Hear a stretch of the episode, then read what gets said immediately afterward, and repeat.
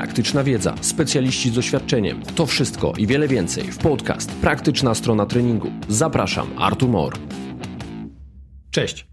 E, dzisiejszy podcast to tak naprawdę drugie starcie z Jakubem Liberskim, specjalistą ortopedą traumatologiem, którego poznaliście w pierwszym odcinku podcastu Praktyczna strona treningu zatytułowanego Współczesna ortopedia, część druga, czyli Godzilla kontratakuje. Dzisiaj postaramy się rozprawić wspólnie z tematem osi kończyny dolnej, czy to jest temat ważny, czy ciekawy. Porozmawiamy sobie o zabiegach bezpośrednio związanych z tą tematyką, czyli zabiegach osteotomii. W praktyce Kuby jest to rzecz bardzo powszechna. Myślę, że Kuba jest całkiem niezłym specjalistą z tego tematu. Usłyszałem jego wykład, który prowadził w ramach prezentacji tematyki osteotomii. Byłem zachwycony tym, jak to zrobił, dlatego pomyślałem, że warto, ażebyście również wysłuchali, co ma do powiedzenia na ten temat. Warto, ażeby Jakub podzielił się swoją wiedzą właśnie w tej tematyce. Kuba, cześć. Cześć Artur. Ja się trochę obawiam tego tematu, bo on jest bardzo obrazowy i będzie ciężko o tym mówić bez, bez obrazków. No Też do... pamiętasz taki test na inteligencję był, że wytłumaczyć co to jest korba bez użycia rąk. No, mamy takie zadanie przed nami. Ale to będzie świetne zadanie. Jeżeli nie będzie dobrego przedstawienia tematu, przynajmniej będzie zabawnie. No. Ja wiem, że nawet patrz, przypominając sobie twoją prezentację, ona wybitnie polegała na prezentowaniu pewnych faktów na slajdach. Trudno to zrobić bez tego, ale spróbujmy przynajmniej tematykę przybliżyć, bo z całą pewnością jest ważna. No to teraz tak. Oś kończyny dolnej. Po co to komu potrzebne, Kuba? Oś kończyny jest właściwie mm, wszystkim, co potrzebujemy w y, kończynie dolnej, czyli dzięki prawidłowej osi kończyny y, mamy prawidłową propagację sił, które, że tak powiem, obciążają w odpowiedni sposób nasz układ ruchu. I jak się okazuje, każde duże zaburzenie y, tej osi no, prowadzi do perypetii zdrowotnych i do przewlekłych dolegliwości bólowych. No i jest problematyczne dla, dla pacjentów. Także ortopedia od bardzo wielu lat, właściwie od zarania ortopedii, próbuje rozwiązać ten problem. Osteotomia to jest temat, który jest właściwie od XIX wieku, od początku XIX wieku wałkowany przez ortopedów. Ale Także to nie tak... jest absolutnie nowy temat. Natomiast y, chyba teraz się popularyzuje. Coraz bardziej. Po takim zachłyśnięciu się endoprotezoplastyką jest ponowny powrót do y, osteotomii. Rzeczywiście prze, przeżywa taką drugą młodość. Ja jako fizjoterapeuta mogę powiedzieć, że faktycznie ta oś kończyny no, żeby zobrazować to skoślawione kolano czy zeszpotawione, no będzie bezpośrednio rzutowało na zużycie się struktury. Jeżeli mamy kogoś, kto obciąża swój aparat ruchu ponadprzeciętnie, to zużycie będzie postępowało jeszcze szybciej. Osoby, które już bardzo kolokwialnie mówiąc i spłycając temat, mają prostą tą kończynę dolną, ładnie spozycjonowaną, one będą miały szansę na znoszenie większych obciążeń, ta struktura będzie służyła im dłużej i będzie bardziej bezpieczna. Także my ze swojej strony, jako fizjoterapeuci czy trenerzy, bardziej próbujemy tą oś kończyny przywracać y, odpowiednio manipulując komponentą siły, czyli wzmacniając mięśnie potencjalnie słabe, gdzieś y, detonizując te, które są przykurczone, skrócone, nie, nie, niefunkcjonalne. Ty to robisz w inny sposób. Ty robisz to za pomocą młotka. Nożem i piłą, tak. No, mniej finezji w tym. Tak, tak. Stolarka. no dobra, ale teraz e, to nie, nie jest do końca tak, że musimy mieć nogę idealnie prostą tak? Mamy jakąś e, anatomiczną koślawość i o tym warto powiedzieć. Tak, na podstawie badań oceniono, że e, bardzo ścisłe kryteria e, takiej normy osi kończyny. A tam są de facto odstępstwa do dwóch stopni, takie, które pozwalają na, na prawidłowe obciążanie tej kończyny. Historia się właściwie zaczyna od takiego profesora polskiego Mikulicza. On zresztą wyznaczył tą oś mechaniczną kończyny, y, która do, do dziś dzień się nazywa y, linią Mikulicza. To jest mhm. oś y, mechaniczna, która w prawidłowych warunkach powinna być od środka głowy kości udowej do środka stawu skokowego i przechodzić przez prawie idealnie przez środek stawu kolanowego. Rzeczywiście niewielkie odstępstwa od tej prawidłowej osi powodują nieprawidłową propagację sił w stawach no i niosą ze sobą różne konsekwencje zdrowotne. No o tych konsekwencjach sobie jeszcze powiemy, natomiast e, bardziej chciałbym jeszcze doprecyzować, jakie mogą być przyczyny zaburzonej osi kończyny dolnej, sklasyfikując je najbardziej ogólnie wrodzone i nabyte. Wrodzone, no to wiadomo, że, że y, rodzimy się z pewnym genetycznym zapisem i część osób rzeczywiście w tym procesie wzrostu, w którym ta oś kończyny się zmienia, docelowo nie uzyskuje prawidłowej osi. Y, na pewno zauważyłeś, że dzieci czteroletnie mają, i to zresztą jest bardzo powszechna przyczyna zgłaszania się rodziców z czterolatkami do, do lekarzy, że zauważają tak mocno skoślawione stawy kolanowe. Natomiast w prawidłowym rozwoju one powinny do, do uzyskania dorosłości się tak mówiąc kolokwialnie wyprostować. U części osób tak się nie dzieje i po prostu dochodzi do zaburzenia tej osi. To są właśnie przyczyny takie wrodzone. Zresztą takie wrodzone y, choroby, na przykład jak choroba Blanta, też doprowadza do zaburzeń y, osi. Natomiast no, nabyte no, to najczęściej są urazy, które doprowadzają do, do złamań kości, nieprawidłowego wzrostu lub właśnie takie najczęstsze, z którym ja się najczęściej, najczęściej spotykam, to uszkadzanie się chrząstki stawowej, warstwy podchrzęsnej y, stawów, najczęściej stawu kolanowego, i doprowadza do stopniowej deformacji kończyn. Procesy zapalne do tego również doprowadzają wiele przyczyn. Jasne. Bywa, że zabiegi, które wykonujesz może nie tylko ty, ale w ogóle ortopedzi wykonują w obrębie stawu kalanowego, one nie zawsze przynoszą oczekiwane efekty. Nie? Czyli ktoś przychodzi z jakimś problemem, pojawił się jakiś uraz, mm, zaopatrza się ten uraz, no ale po czasie się okazuje, że to nie rozwiązało problemu. I chyba tu jest y, ta prawdziwa przyczyna, ten prawdziwy powód, dlaczego ta osteotomia jest taką fajną rzeczą. Dopóki się nie uporamy z tą osią kończyny, to nieważne co zrobimy w tym stawie kolanowym, nieważne jak go zaopatrzymy, jak będziemy próbowali go łatać, reperować, no to to będzie wracać. To jest bumerang. To fakt. Pamiętasz ten, moją prezentację, o której mówiłeś na początku, to e, jej taka pełna nazwa to była e, Oś kończyny, historia nawrócenia ortopedy. No i rzeczywiście tak było. Ja zawsze miałem, że tak powiem, lubiłem e, artroskopię i w tym kierunku szedłem, więc od początku mojego życia zawodowego tam w tej artroskopii siedziałem głęboko. I często miałem problemy na początku z tym, że na przykład jakieś tam częściowe menisektomie czy naprawy szycia łąkotek y, nie przynosiły oczekiwanego efektu. Czyli naprawialiśmy tak, czy resekowaliśmy częściowo łąkotkę, a docelowo pacjent miał utrzymujące się dolegliwości bólowe. I dopiero jakby zrozumienie przeze mnie, że to w większości, w większości przypadków w tym tak zwanym zespole pomenisektomijnym, bo tak się to nazywa i nazywało, prawda? Czyli utrwalone bóle, utrzymujące się dolegliwości bólowe po częściowej resekcji na przykład y, łąkotki, były przyczyną właśnie zaburzeń osi, czyli no naj, taki najczęstsza przyczyna to szpotawość y, stawu kolanowego. I dopiero zrozumienie tego, pozwoliło mi na skuteczne leczenie tej przypadłości. Takim typowym pacjentem, który się, który się zgłasza do osteotomii, to jest właśnie pacjent szukający pomocy po jednej na przykład artroskopii, który jest kwalifikowany do kolejnej, bo ma jakieś tam uszkodzenie tego kikuta y, łąkotki, no i ci pacjenci szukają po prostu, czy, czy to rzeczywiście bo ciągle mają dolegliwości, ciągle tak, to tak, wraca, tak. jedna artroskopia nie załatwia sprawy, czyli cały czas trochę bardziej leczymy objawy, a nie przyczynę. No cóż to. Okej, okay, dobra, no to teraz y, powiedzmy sobie, dla kogo ten zabieg osteotomii jest. Dla osób, które mają zaburzoną oś kończyny, ale teraz sobie odpowiedzmy na pytanie, czy ty jesteś zawsze skory, żeby od razu decydować na tą osteotomię, czy może na początku próbujesz wysłać do fizjoterapeuty, czy do jakiegoś wykwalifikowanego trenera, albo przywrócił, może funkcjonalnie próbował, ile się da, taką oś kończyny?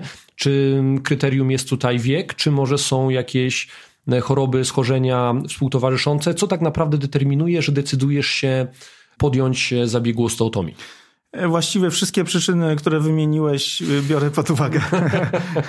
To może jeszcze to znaczy, no wyobraź sobie, przychodzisz do, do lekarza, a on ci mówi, że no przetnę panu kość, wygnę ją w drugą stronę, tak, później włożę wielki metalowy, wielką metalową płytę i będzie pan z tym chodził i po pół roku będzie dobrze. No generalnie nie jest proste jakby przekonać kogoś do, do osteotomii, więc musi to być naprawdę pacjent, który jest bezsilny, prawda? Które, u którego inne y, metody nie, nie przyniosły efektu. Bo teraz powiedzieć o tym zabiegu, jakby to był taki zabieg turborzeźniczy. No nie, i... żart, to, to jest żart. To Właśnie, jest żart. teraz chciałbym to podkreślić, no bo, powie, bo to, co robisz, tak, y, no, no w praktyce no jest tym, tak, no rozwalasz kość, tak, łamie, no w skrócie, tak, łamiesz ją, tak, tak. próbujesz no, naprostować. Chirurgiczne złamanie, tak, kości. No, to... Brzmi to jak to jest mhm. rzecz, mega inwazyjne, tak, wydaje mhm. się, że to jest y, bardzo, bardzo jakby trudny zabieg, który będzie miał jakieś powikłanie, dużą szansę na powikłania, a to jednak tak nie jest do końca. To jest bardzo dobrze opisany zabieg, bardzo dobrze oceniony pod względem statystycznym, to znaczy jest na tyle długo wykonywany, że właściwie większość błędów, które y, tam występowały i powikłań już zostały wyeliminowane, czyli mm, ma bardzo dobre rokowanie i jest, no tak jak mówię, dobrze opisany. Y, technika operacyjna bardzo ewoluowała. Efekty są bardzo przewidywalne w tym zabiegu. Rzeczywiście robi się go teraz coraz mniej inwazyjnie. Właściwie to te zespolenia, które my stosujemy, pozwalają pacjentom na bardzo szybkie obciążanie. Właściwie e, to zespolenie, którym ja najczęściej dysponuję, pozwala na obciążenie w pełni na drugi dzień po, po zabiegu. Oczywiście no, niewiele ludzi się na to decyduje, ja też mam trochę opory, ale generalnie tak. Mamy taką możliwość. Tak, tak. tak. Hmm? No to akurat jest świetne, nie? Czyli Super. to, czego się zawsze boimy, ja się boję, kiedy ktoś e, ma wykonany jakiś zabieg, to boję się tego okresu bezruchu. Nie? Czyli jest jakiś zabieg, który wymaga bezruchu, jakiejś ortezy, jakiegoś zabezpieczenia, unieruchomienia kończyny, no to to jest rzeź, nie? Potem dochodzenie do tego, tak. czasami te konsekwencje w postaci tej atrofii mięśniówki, dokładnie, tak, tak. one są dużo gorsze niż e, sam zabieg. Zgadza się. I pytanie, czy zabieg się nie udał, czy może rehabilitacja była za późno wdrożona i, i tak mhm. naprawdę aparat ruchu się zdegenerował e, po tym okresie unieruchomienia. Tego ja się najbardziej mhm. boję w swoim fachu, dlatego jak mhm. słyszę, że jakiś zabieg daje możliwość szybkiego obciążenia, no to dla mnie to jest bomba, nie? I to jest 10 na 10. Stąd, stąd też nawiązując do tego twojego pytania, kto jest dobrym pacjentem w kwalifikacji, na pewno zabieg ma określone górne, znaczy inaczej, zazwyczaj było 60 rok życia był określony jako górny, górną granicą tego y, wieku wykonywania osteotomii, bo ja mówię o takiej najbardziej typowej, tej około kolanowych osteotomii, prawda? Bo to są to jest. Szerokie pojęcie osteotomia. My skupiamy tak, się na tak, kolanie tak, głównie. Głównie na kolanie. Z racji tego, że po prostu stwierdzono statystycznie, że y, ludzie starsi uzyskują większe y, benefity z, y, z endoprotezoplastyki niż z osteotomii. Z różnych przyczyn to wynika z jakości wzrostu kostnego, z siły układu mięśniowego. To jest podstawa, żeby uzyskać pozytywne efekty po osteotomii musi pacjent być w stanie wyrehabilitować siłowo y, narząd ruchu. I to już myślę przygotowanie przedzabiegowe. Czyli tu już powinno ono być tak. aktywne, tu już powinniśmy maksymalnie wzmocnić ten aparat ruchu, ażeby powrót po zabiegu był możliwie jak najszybszy. Najczęściej ta osteotomia jest konsekwencją jakby nie, nieudanego przygotowania, znaczy inaczej, może nie, nieudanego, ale Nieudanej y, rehabilitacji, niemożności przeprowadzenia tak. skutecznej rehabilitacji. Zawsze, zawsze wcześniej mm, wysyłam jednak pacjentów do, do rehabilitacji, żeby spróbować odciążyć ten przedział przyśrodkowy, tak najbardziej typowo mówię znowu o, o takim... Korekcja siłą. Tak.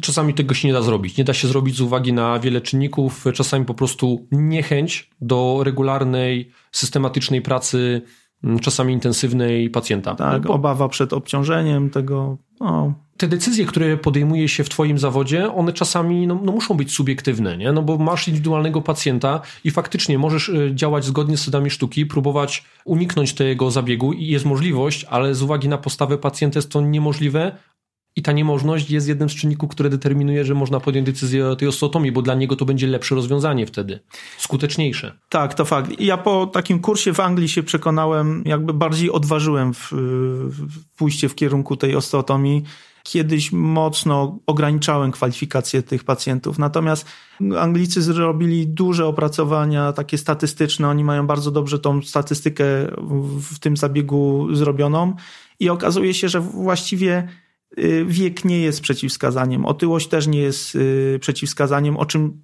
zawsze pisały podręczniki. Ja się tego obawiałem. Teraz jestem odważniejszy w kwalifikacji. Na mhm. pewno. A jak to wygląda z osteotomią u sportowców? Ja teraz tak y, na prędce przyszło mi to do głowy.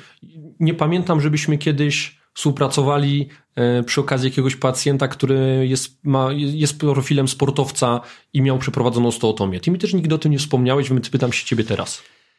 Czy zdarzyło ci się robić osteotomię u sportowca i czy po osteotomii jest szansa wrócić do uprawiania sportu, powiedzmy nawet nie wyczynowego, ale takiego e, rekreacyjnego z zapędami na wyczyn? Nie, to znaczy często łączę osteotomię z na przykład z rekonstrukcją więzadła krzyżowego. Znaczy często. No, to też to jest złe słowo, ale zdarza się. My go nadużywamy. Jak ja słucham podcastu swoich, to jest chyba najczęściej nadużywane przeze mnie, przeze mnie słowo. Naprawdę, złapałem się na tym często. Artur często mor. No, tak jest. Ty nie wiesz, jak słucha się człowiek potem, to mówi, Boże Artur, co ty gadasz w ogóle? Dobra, to wycinamy, język, wycinamy to słowo z, z, z, podcastu. Nie, jeszcze dwa razy puszczę, zapętlę jej, bo już się zaciąłeś. Y, rzeczywiście, jeżeli po uszkodzeniu więzadła krzyżowego dochodzi do zaburzenia osi z racji uszkodzenia chrząstki, na przykład w przedziale przyśrodkowym, uszkodzenia łąkotki, to żeby ten zabieg rekonstrukcji miał sens i przynosił y, oczekiwany efekt, musi być przywrócona oś kończyny. I tutaj też nie tylko w jednej płaszczyźnie, czyli w płaszczyźnie czołowej, ale również w płaszczyźnie strzałkowej, jeżeli jest takie zaburzenie. O tym pewnie będziemy za chwilkę mówić. No nie? właśnie, ale zacząłeś bardzo ładnie, płynnie.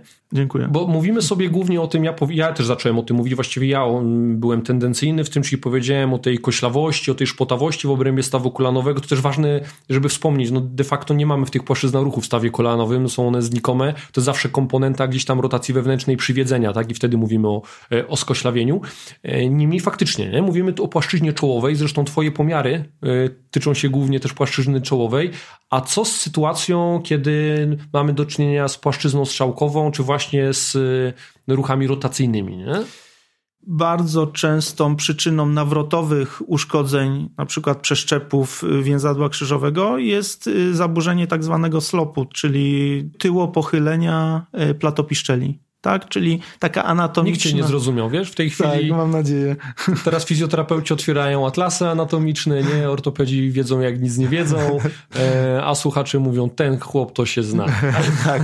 Wygrałeś. Tak. Znaczy ma, mamy anatomiczną, y, ten anatomiczny slop, nie pamiętam, on jest chyba 7 stopni. Y, musiałbym spojrzeć do, do, do, też do podręcznika, ale przy zwiększonym tym kącie jest taka anatomiczna skłonność do zrywania się tego więzadła. I na przykład przy niepowodzeniu y, rekonstrukcji, jeżeli zrywa się przeszczep, to warto jest ocenić, y, ocenić ten slop i zastanowić się, czy nie, nie, nie poprawić go. Tak? Jest to jeden z czynników ryzyka. I, nie? Tak. I mierzalny. Możemy sobie zobaczyć, Zgadza jak się. to wygląda. To też warto brać pod uwagę, bo znowu w świecie fizjoterapii, nawet jak się popieramy jakimiś statystykami, to mówimy, że musi dobra rehabilitacja, była rehabilitacja i to jest ten czynnikiem, który sprawia, że to się zrywa jeszcze raz. Czasami szukamy za bardzo funkcjonalnie przyczyn. Zapominamy, że jest jeszcze ta struktura, czyli jest ta twoja, e, twoja brocha i też tak. wypadałoby to ocenić. I znowu tutaj fizjoterapeuci e, nie tylko patrzymy na funkcję, ona jest jasne, ważna, bo koniec końców to, to jest się. E, najistotniejsze, ale czasami takie zerwanie ACL-a powtórne to nie jest tylko kwestia źle przeprowadzonej rehabilitacji, to nie jest tylko kwestia losowa, to czasami jest kwestia pewnych uwarunkowań anatomicznych, które możemy sprawdzić, że one są i próbować je usunąć. Zgadza się. Święte słowo. Teraz ja się popisałem. A druga, druga część pytania, o której mówiłeś, Rotacja. czyli tak, zaburzenia rotacyjne, y, czyli za, zaburzenia, które najczęściej są konsekwencją y, nie wykształcenia się prawej, prawidłowej antytorsji y, szyjki kości udowej. Czyli to są najczęściej takie kończyny, które są, w których udo jest zrotowane wewnętrznie, tak? I wtedy doprowadza to do tego, że, że siła mięśnia y, czworogłowego, czyli ten tak zwany kąt Q, wyciąga, tak mówiąc kolokwialnie, rzepkę do, do boku, i przypiera ją do kłykcia bocznego kości udowej, powodując przewlekłe dolegliwości stawu rzepkowo-udowego. Zresztą z tym stawem rzepkowo-udowym no, współpracujemy od bardzo dawna, bo, bo y, Epidemia. Jest epidemia tego ze, zespół martwego pośladka, tak. jakby to nazywać. No generalnie teraz to jest taki mój podstawowy pacjent, tak? który ma dolegliwości stawu rzepkowo-udowego. I znowu, nie szukamy zawsze w kolanie, tylko na przykład idziesz na tak, biodro, nie? Tak, to... zgadza się. Jeżeli mam, nie ustępują po y, te dolegliwości po prawidłowo przeprowadzonej rehabilitacji, to należy grzebnąć dalej i ocenić tą, tą antetorsję. Tak samo y, nawrotowe zwichanie y, rzepki, tak? Boczne. Jeżeli pomimo operacji nawraca to, no, to na, na pewno trzeba ocenić antytorsję szyjki kości udowej. Ja nie, mm, jakby nie operuję tych, tych zaburzeń rotacyjnych, ale mam do kogo wysłać i, i moi koledzy to, to robią. Praca w zespole. Otóż to. Okej, okay, Kuba. Tak myślę, czy jeszcze powinniśmy coś o tej osteotomii powiedzieć. Takie podsumowanie, nie? Oś kończyny niezmiernie ważna z punktu widzenia fizjoterapeuty, ortopedy. Nie bać się tego zabiegu osteotomii. Inne metody leczenia jeszcze no, alternatywne, prawda? Rozwiązywania zaburzeń y, osi kończyny. Czyli, no to dawaj. Y, no jak masz pacjenta z mm, przewlekłymi dolegliwościami po y, stronie przyśrodkowej, ja bardzo często zaczynam od założenia ortezy koślawiącej. Tak? A, to jest ta, którą y, miałem możliwość na twoim wykładzie tak, popróbować. Przymierzyć. Świetna sprawa, tak. I to jest, sprawa. Y, firmy je y, reklamują, znaczy ta firma, z którą ja często współpracuję, bo podoba mi się jakby ta ich, ich koncepcja tej ortezy, ona mówi o takim efekcie wow, że rzeczywiście pacjent nie wiem, boli go 10 lat przedział przyśrodkowy, on zakłada na tydzień i te dolegliwości ustępują. No i wtedy ja mam argument do rozmowy z tym pacjentem, że mówię, że po osteotomii to będzie mm, jakby ten efekt się utrwali, prawda? Więc to jest też argument w dyskusji z tym, z tym pacjentem. Alternatywą są protezy jednoprzedziałowe, tak? bo najczęściej mamy do czynienia z uszkodzeniem jednego przedziału stawu kolanowego. Y, bardzo dobrze opisana również metoda skuteczna. Moi koledzy to robią, ja, ja protez stawu kolanowego nie zakładam. Pojawiły się też takie pomysły na to, żeby odciążyć ten przedział przyśrodkowy takim amortyzatorem. To jest ten Atlas NI system, no to jest jeden, jeden z nich. Mhm. Ciekawa też koncepcja. Też nigdy tego nie, nie robiłem, jakoś nie mam odwagi. Wydaje mi się, że to, to narzędzie w postaci osteotomii jest jednak tutaj skuteczniejsze.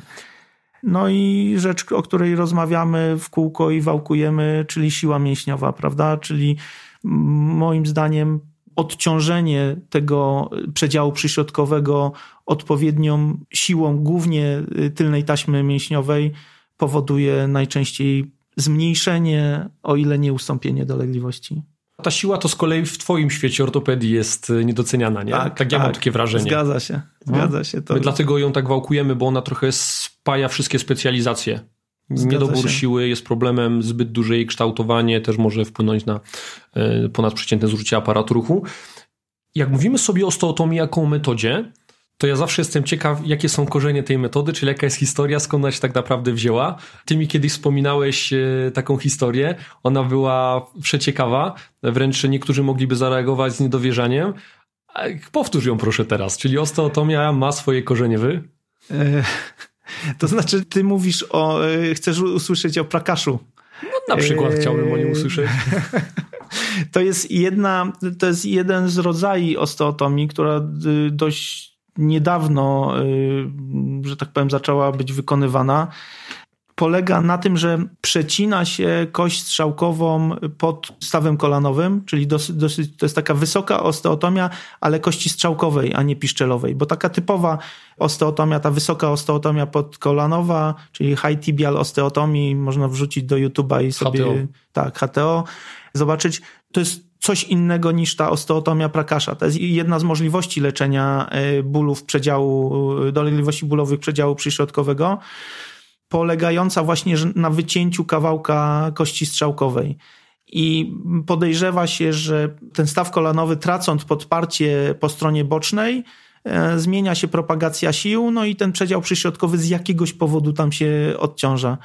A stwierdzono to na podstawie no ten Prakasz to opisuje, czyli taki hinduski lekarz, który gdzieś tam siedział w więzieniu i stwierdził, że pacjenci, którzy mieli złamane, y, złamaną kość strzałkową, a te złamania były tam dosyć powszechne z racji tego, że E, Dyscyplinowało się ich. Tak, strażnicy Bało. takimi wielkimi pałami bili tych osadzonych po, po dudziach, łam, łamiąc ich, im kości strzałkowe. I w konsekwencji dochodziło do y, odciążenia przedziału przyśrodkowego i przestawały ich boleć te przedziały przyśrodkowe. No i stąd ta koncepcja właśnie osteotomii Prakasza. Ja jej nie wykonuję, natomiast są dosyć dobre opinie y, w, w publikacjach y, świadczące o tym, że ona jest skuteczna i działa. Natomiast ona nie zmienia osi kończyny. Tam się te, to nie dzieje. Mhm. Wiesz co, no udało się przedstawić tą osteotomię bez pokazywania obrazków. To się okaże. Nie, udało, udało. Myślę, że to było bardzo przystępnie. Obiecałem też e, słuchaczom, że będą mieli możliwość zadać pytania. Kilka pytań padło. Chciałbym je teraz e, poruszyć tutaj z tobą. Pierwsze pytanie, może przeczytam jakby je w całości, żeby, żeby nie przeinaczyć. Ponownie zerwany ACL, a trening siłowy czy crossfit trenować dalej z uwagi na dobrze zbudowaną i wzmocnione mięśnie wokół tego e, stawu, czyli mówimy tu o kolonowym, czy zdecydować się na, czy odpuścić, Ponowną zdecydować na ponowną Mhm. rekonstrukcję. Co z kwestią stabilizatorów na kolano, kiedy je nosić, kiedy one mają Mhm. sens, a kiedy upośledzają nam aparat ruchu. Pytanie złożone, no ale generalnie tyczy się tego, że nie mamy ACL-a, drugi raz się zerwał, Mhm. mięśnie są silne i teraz co dalej? No i odpowiedź też nie jest jednoznaczna. Y, To znaczy, przede wszystkim trzeba zindywidualizować to leczenie. Dla mnie takim bezwzględnym wskazaniem do rekonstrukcji czy do ponownej rekonstrukcji jest duża niestabilność rotacyjna, a nie, a nie przednia. Czyli jeżeli mamy pacjenta, który ma objaw Lachmana, czyli ten objaw niestabilności przedniej ma wyczuwalny, natomiast pivot shift, czyli objaw rotacyjny jest ujemny, to ja się nie palę za bardzo do ponownej rekonstrukcji. Dużo zależy też od odczuć pacjenta. Jeżeli ma poczucie niestabilności, jeżeli ta niestabilność powoduje jakieś konsekwencje w postaci na przykład uszkadzania, uszkodzenia łąkotki przyśrodkowej czy bocznej, uszkodzenia chrząstki stawowej, to raczej jestem skłonny do, do ponownej rekonstrukcji. Natomiast y, jeżeli nie ma poczucia niestabilności, nie występuje niestabilność rotacyjna, to rzeczywiście przy dobrej edukacji ruchowej można prowadzić tego pacjenta bez y, rekonstrukcji. Zresztą dane y, statystyczne nie są jednoznaczne co do tego, czy rekonstrukcja powoduje zmniejszenie ryzyka zmian zwyrodnieniowych w Właśnie, do tego chciałem nawiązać. Kilka razy już miałem taką sytuację u siebie w klubie, gdzie podeszli do mnie klubowicze właśnie z problemem zerwanego acela i największa obawa, która u nich była, to fakt, że została im przedstawiona taka zależność, że zerwany ACL to właściwie, tak oni usłyszeli, że to właściwie gwarancja szybszej degeneracji tego stawu, artrozy i całej reszty. No bo po części tak jest. To znaczy, wiemy to na pewno, że uszkodzenie y, więzadła krzyżowego prowadzi docelowo do szybszej artrozy, do szybszych zmian zwyrodnieniowych. Natomiast to nie jest y, taka wartość liniowa. To nie jest tak, że u wszystkich się to dzieje równie szybko. U wszystkich jest tak samo. Generalnie, moim zdaniem, zależy to w dużej mierze od y, tej niestabilności rotacyjnej. W większej mierze niż y, przedniotylnej.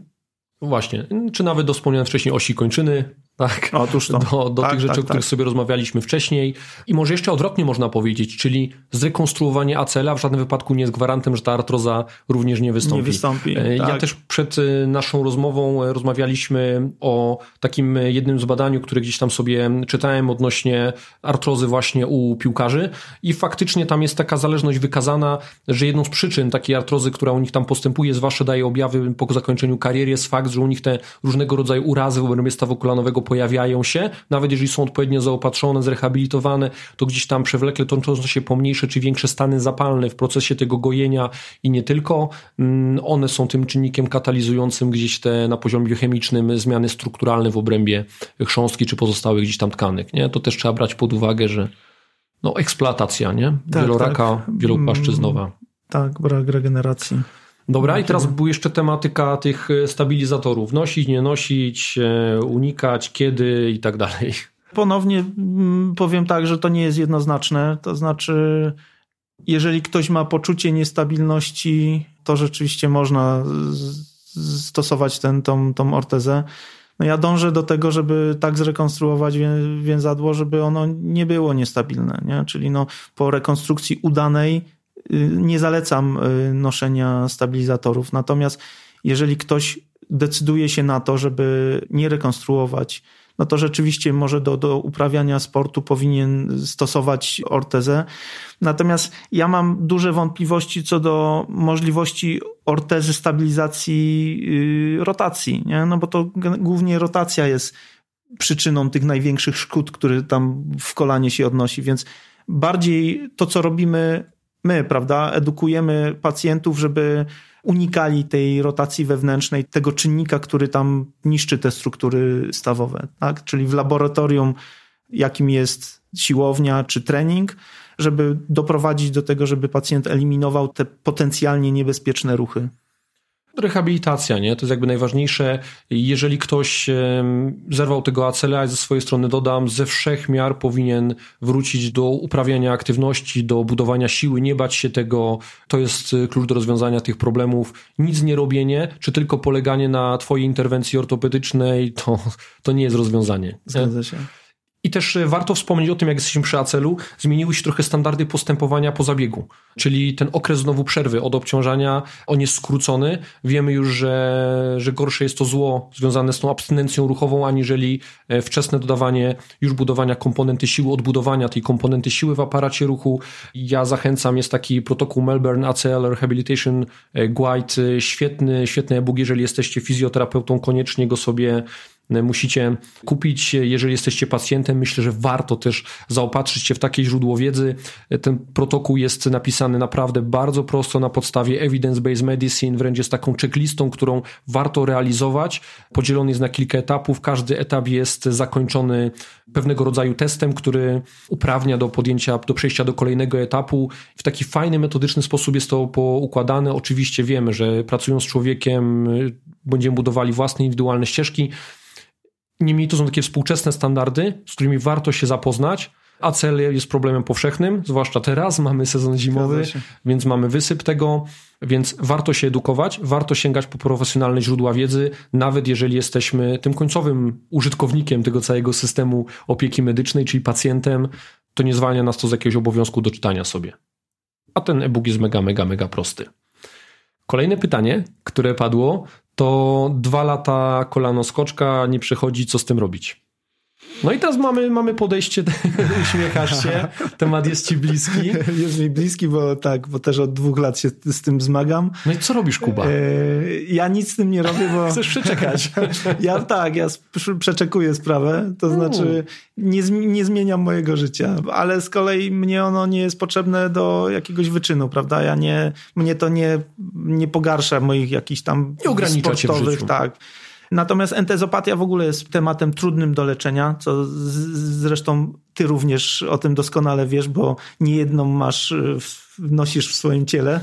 Obecnym standardem postępowania z entezopatią jest dociążenie jednak jej, prawda? Czyli powiedzenie, że należy ograniczyć aktywność sportową jest y, błędem, należy ją zmodyfikować, tak? Czyli entezopatia raczej nie lubi dynamiki, y, natomiast nie lubi również y, ograniczenia ruchu grupy mięśniowej, która jest odpowiedzialna za tą entezopatię. Raczej wzmacnianie, dociążanie w ekscentryce, tak? To jest tak, bardziej Tak, to twoja... jest heavy slow resistance training, czyli mamy tutaj izometria, ekscentryka, zarządzanie obciążeniami, stopniowe odbudowywanie możliwości absorpcji y, sił przez tą strukturę, i powinno to pomóc. To jest najskuteczniejsze i trwałe. Jeżeli I strukturalna to dobrze... przebudowa tej struktury. Po części tak, względem... po części nie, nie? Bo teraz tak. znowu teraz fajnie ja przytoczę może jedną postać, z którą ostatnio miałem kontakt Karol Szapel. On akurat wyspecjalizował się w tych entezopatiach, zresztą ma takie szkolenie, no przy okazji to jest jakby reklama tego szkolenia, miałem możliwość Karola poznać, e, świetna, świetna postać, świetna osobowość, bardzo kompetentny w tym zakresie tych entezopatii, kilku ciekawostek e, mając e, kontakt z nim się dowiedziałem, z pewnością udam się na jego szkolenie, żeby zaoszczędzić sobie przeglądania literatury, bo jest to na pewno skondensowana jakaś wiedza u niego, co jest godne polecenia, dlatego z tego miejsca to robię, dobre rzeczy trzeba polecać. I, tam jakby też była pewna wątpliwość co tej przebudowy, nie zwłaszcza jeżeli użyjemy sformułowania przebudowa kolagenowa, nie? bo tam mamy mm -hmm. nie mhm. tylko te włókna kolagenowe, ale też tą strukturę pomiędzy tymi włóknami. Tak, matrix. Mm, dokładnie. Nie? I to, to, to, też jakby te fizjologiczne aspekty tam też są z pewnymi znakami zapytania, nie mamy wszystkich odpowiedzi, niemniej wiemy faktycznie izometria, ekscentryka, budowanie tych obciążeń to jest odpowiedź, ale z twojej strony również możemy na przykład rzucić się na PRP, Tak? Tak, zazwyczaj w trakcie trwania entezopatii raz czy dwa podaje te płytkowe czynniki wzrostu z różnym skutkiem. No i zresztą to literatura też podkreśla, że to jest 50 na 50. U, nie wiadomo, czy to jest trochę czynnik psychologiczny, czy efekt placebo, czy rzeczywiście to działa. U mnie zadziałało tak sobie, ale mam z kolei grono pacjentów, u których działa bardzo dobrze. Także trudno mi to ocenić. Statystyki są różne. Mhm. No znowu, nie? jakbyśmy chcieli jakiś subiektywny komentarz do tego z mojej strony dodać, to na pewno powiedziałbym, że oczywiście miałeś możliwość e, dziubnąć mi Achillesa, tak, obydwa w e, miejscu tam przyczepu tak. Mm, I do kości do, piętowej. Tak, efekt. to było fajne, Mhm. nie? I wiem, że u mnie to był ten game changer, który zadziałał pozytywnie. W jakim schemacie, w jakim modelu, co tam było takim głównym czynnikiem, no Metoda jest tania, y, bezpieczna, więc dlaczego jej nie, nie, nie spróbować? No ja też, też się, że tak powiem, pokusiłem. U mnie zadziałało tak sobie, powiedziałbym. ale czemu nie spróbować? Zgadza się? Nie, róbmy wszystko, może coś zadziała. Czasami takie podejście naprawdę jest w pełni zasadne i po prostu szukajmy tej metody, która odegra nam rolę. Tak, natomiast nie jest to absolutnie metoda, która wyleczy tego, tą entezopatię. To jest proces, prawda? Mhm. Okej, to teraz ostrzykiwanie jeszcze sterydami. Przy entezopatiach bardzo unikam. To wyjątkowo. Jak... Ja o tym pomyślałem, bo w klubie kiedyś mnie o to zapytano, wiesz, ja też mam jakieś z tym Mhm. swoje doświadczenia i, i też y, ty powiedziałeś pierwszy, że unikasz, no to ja tylko się podpiszę pod tym, że może no, Te no struktury nośne, które nas, tak mówiąc kolokwialnie, no, noszą, tak? czyli ścięgno Achillesa, więzadło rzepki, nie, nie ostrzykuje sterydami nigdy. No bo ryzyko zerwania jest bardzo duże, prawda? Natomiast jeżeli mam pacjenta, który wiem, że nie będzie trenował, nie będzie ćwiczył, nie będzie się rehabilitował i ma y, łokieć tenisisty albo golfisty, no to, to, to tak, to jest rozwiązanie dla niego, nie? I ostatnie pytanie, które padło jeszcze, akurat ono jest chyba z Facebooka do mnie dotarło.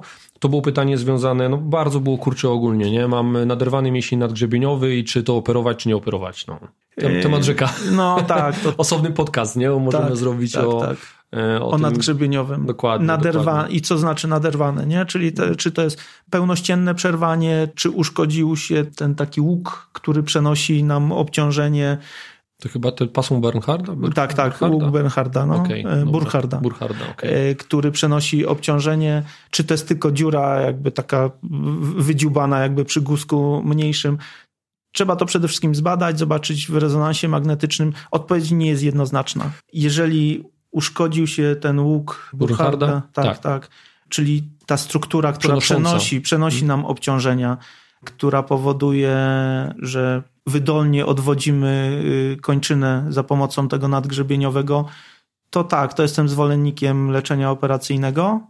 Obawiam się retrakcji y, mięśnia nadgrzebieniowego, jeżeli on traci przyczep dystalny i wtedy no, jakby czas gra na naszą niekorzyść, czyli No to mówisz przy cał- całkowitym zerwaniu. przy całkowitym. Mhm. Natomiast naderwanie, które nie, nie wpływa na biomechanikę tego, tego mięśnia, takie na granicy entezopatii, na pewno zaczynam od y, rehabilitacji. I teraz y, znowu mamy trochę jak z tym ACL-em. Fizjoterapeuci będą mówili nie, nigdy nie operować. Ortopedzi niektórzy będą dużo bardziej chętnie to operować. Gdybym ja cokolwiek miał powiedzieć, a temat jest mi całkiem bliski, jak zapewne wiesz. E, znowu, znowu miałeś okazję gdzieś tam e, wysłuchiwać moich wywodów na ten temat, bo sam się z tym problemem borykam.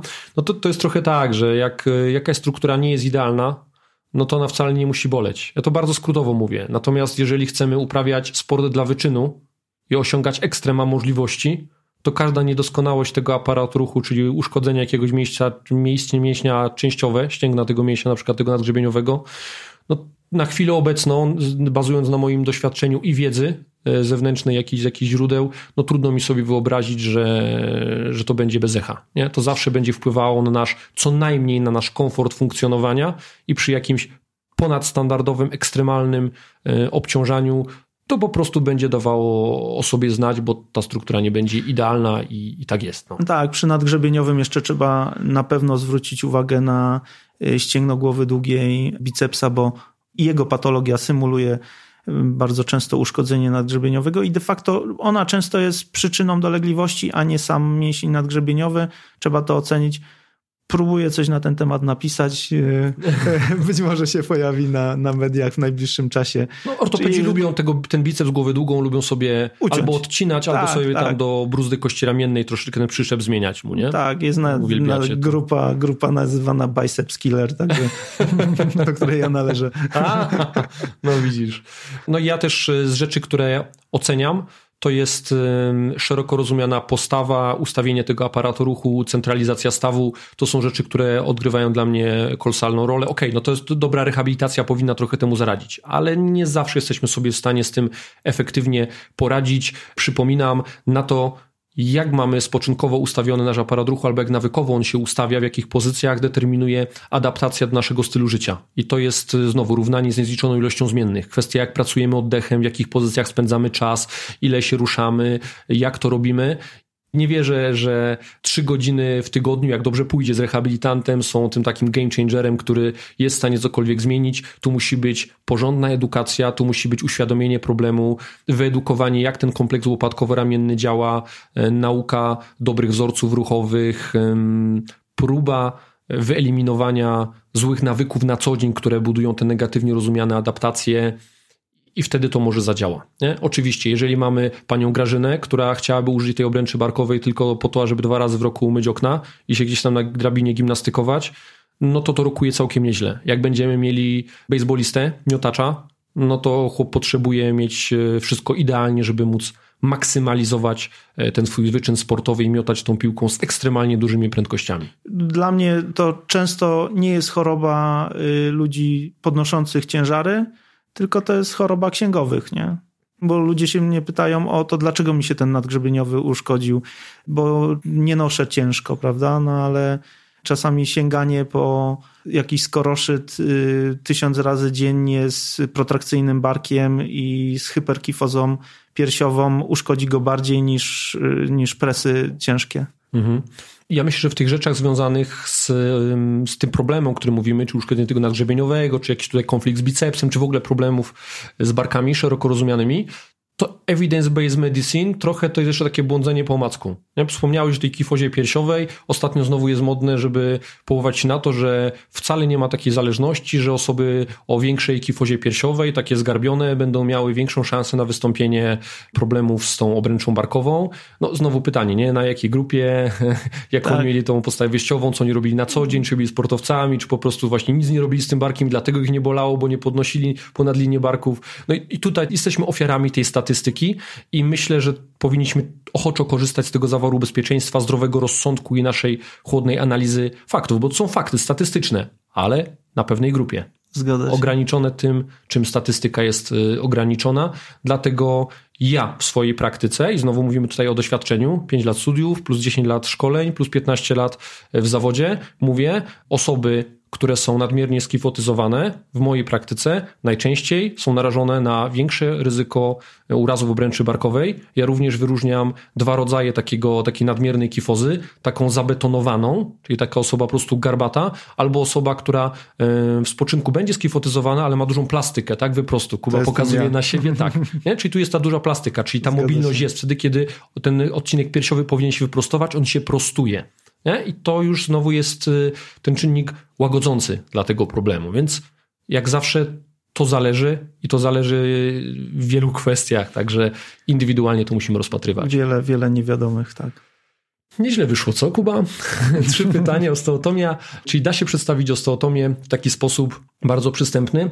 Nie daj mi jeszcze spokoju, bo mam wrażenie, że chciałem Cię o coś jeszcze zapytać e, z tej osteotomii i wcześniej o tym rozmawialiśmy. Ja tak podsumowując może, może powiem w ten sposób, że to jest częsty problem pacjentów, nie? Że, że pacjenci przyjeżdżają na konsultację i pytają się tak, no gdzieś mi tam zaproponowano bo mam uszkodzony przedział przyśrodkowy, mam tam dziurę wyrąbaną w tej chrząstce quickcia przyśrodkowego i tam mi proponują gdzieś mozaikoplastykę, czy membranę białkową, czy jakieś tam karżele, czy no bardzo kosztochłonne, duże zabiegi. Natomiast u części tych pacjentów nie oceniono właśnie osi kończyny. Make it simple, nie? czyli Przede wszystkim, jeżeli mamy zaburzoną oś kończyny, to cokolwiek tam włożymy, złoto i diamenty do tego stawu kolanowego. Czas to rozwali. On to po prostu rozwali, nie? Więc przywróć oś kończyny i wtedy wkładaj jakieś mozaiki, przeszczepy, hoduj chondrocyty i wtedy to naprawiaj. I to wtedy ma szansę przeżyć. Przykładem jest nasz kolega, tak? Wspólny już teraz, kiedyś mój pacjent, który teraz... Ale on nam pozwolił o sobie mówić, więc y, Krzysiu Meyer, tak? tak on tak. wielokrotnie nam mówił, powołujcie się na mnie, jestem dobrym przykładem tego, o czym mówicie. Tak, my się poznaliśmy w ten sposób, że on miał na skutek uszkodzenia łąkotki y, wydziubaną dziurę w y, przedziale przyśrodkowym, tak? W kłykciu przyśrodkowym. I po mikrofrakturacji, tak, czyli podstawowej y, procedurze, którą się wykonuje przy tego typu uszkodzeniach.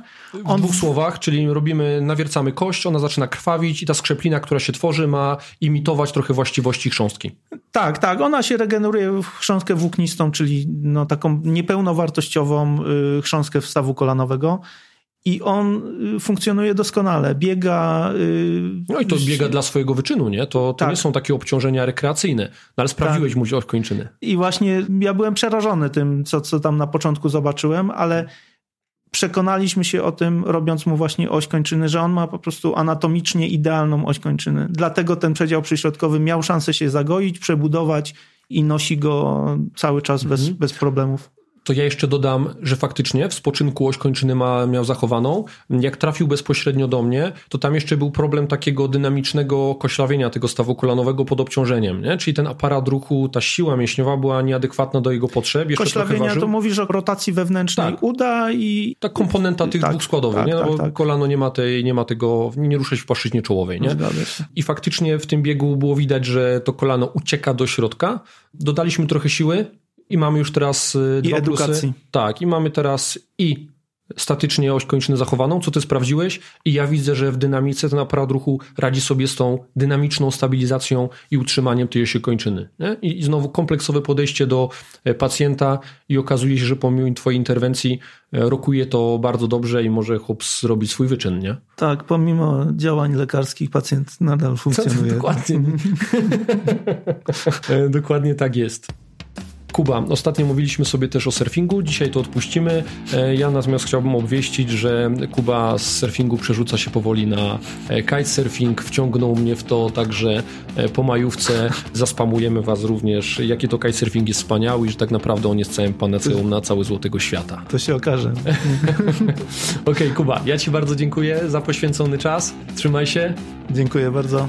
No i Wam dziękuję za wysłuchanie naszej rozmowy. Mam nadzieję, że było fajnie. Trzymajcie się. Cześć, shape.